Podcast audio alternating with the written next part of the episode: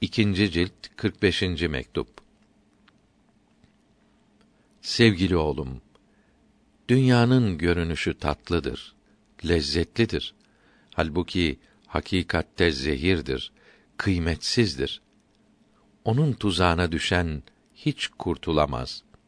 Bu zehir ile ölen leş olur. Buna gönül vermek deliliktir. Yaldızlanmış necaset şeker kaplanmış zehir gibidir.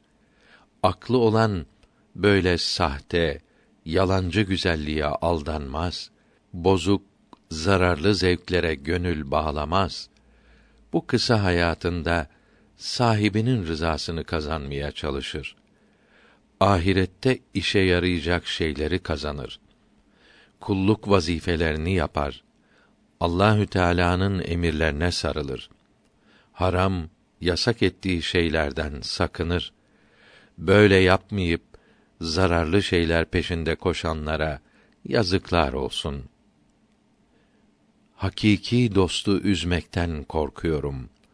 Bu korkudan gece gündüz yanıyorum.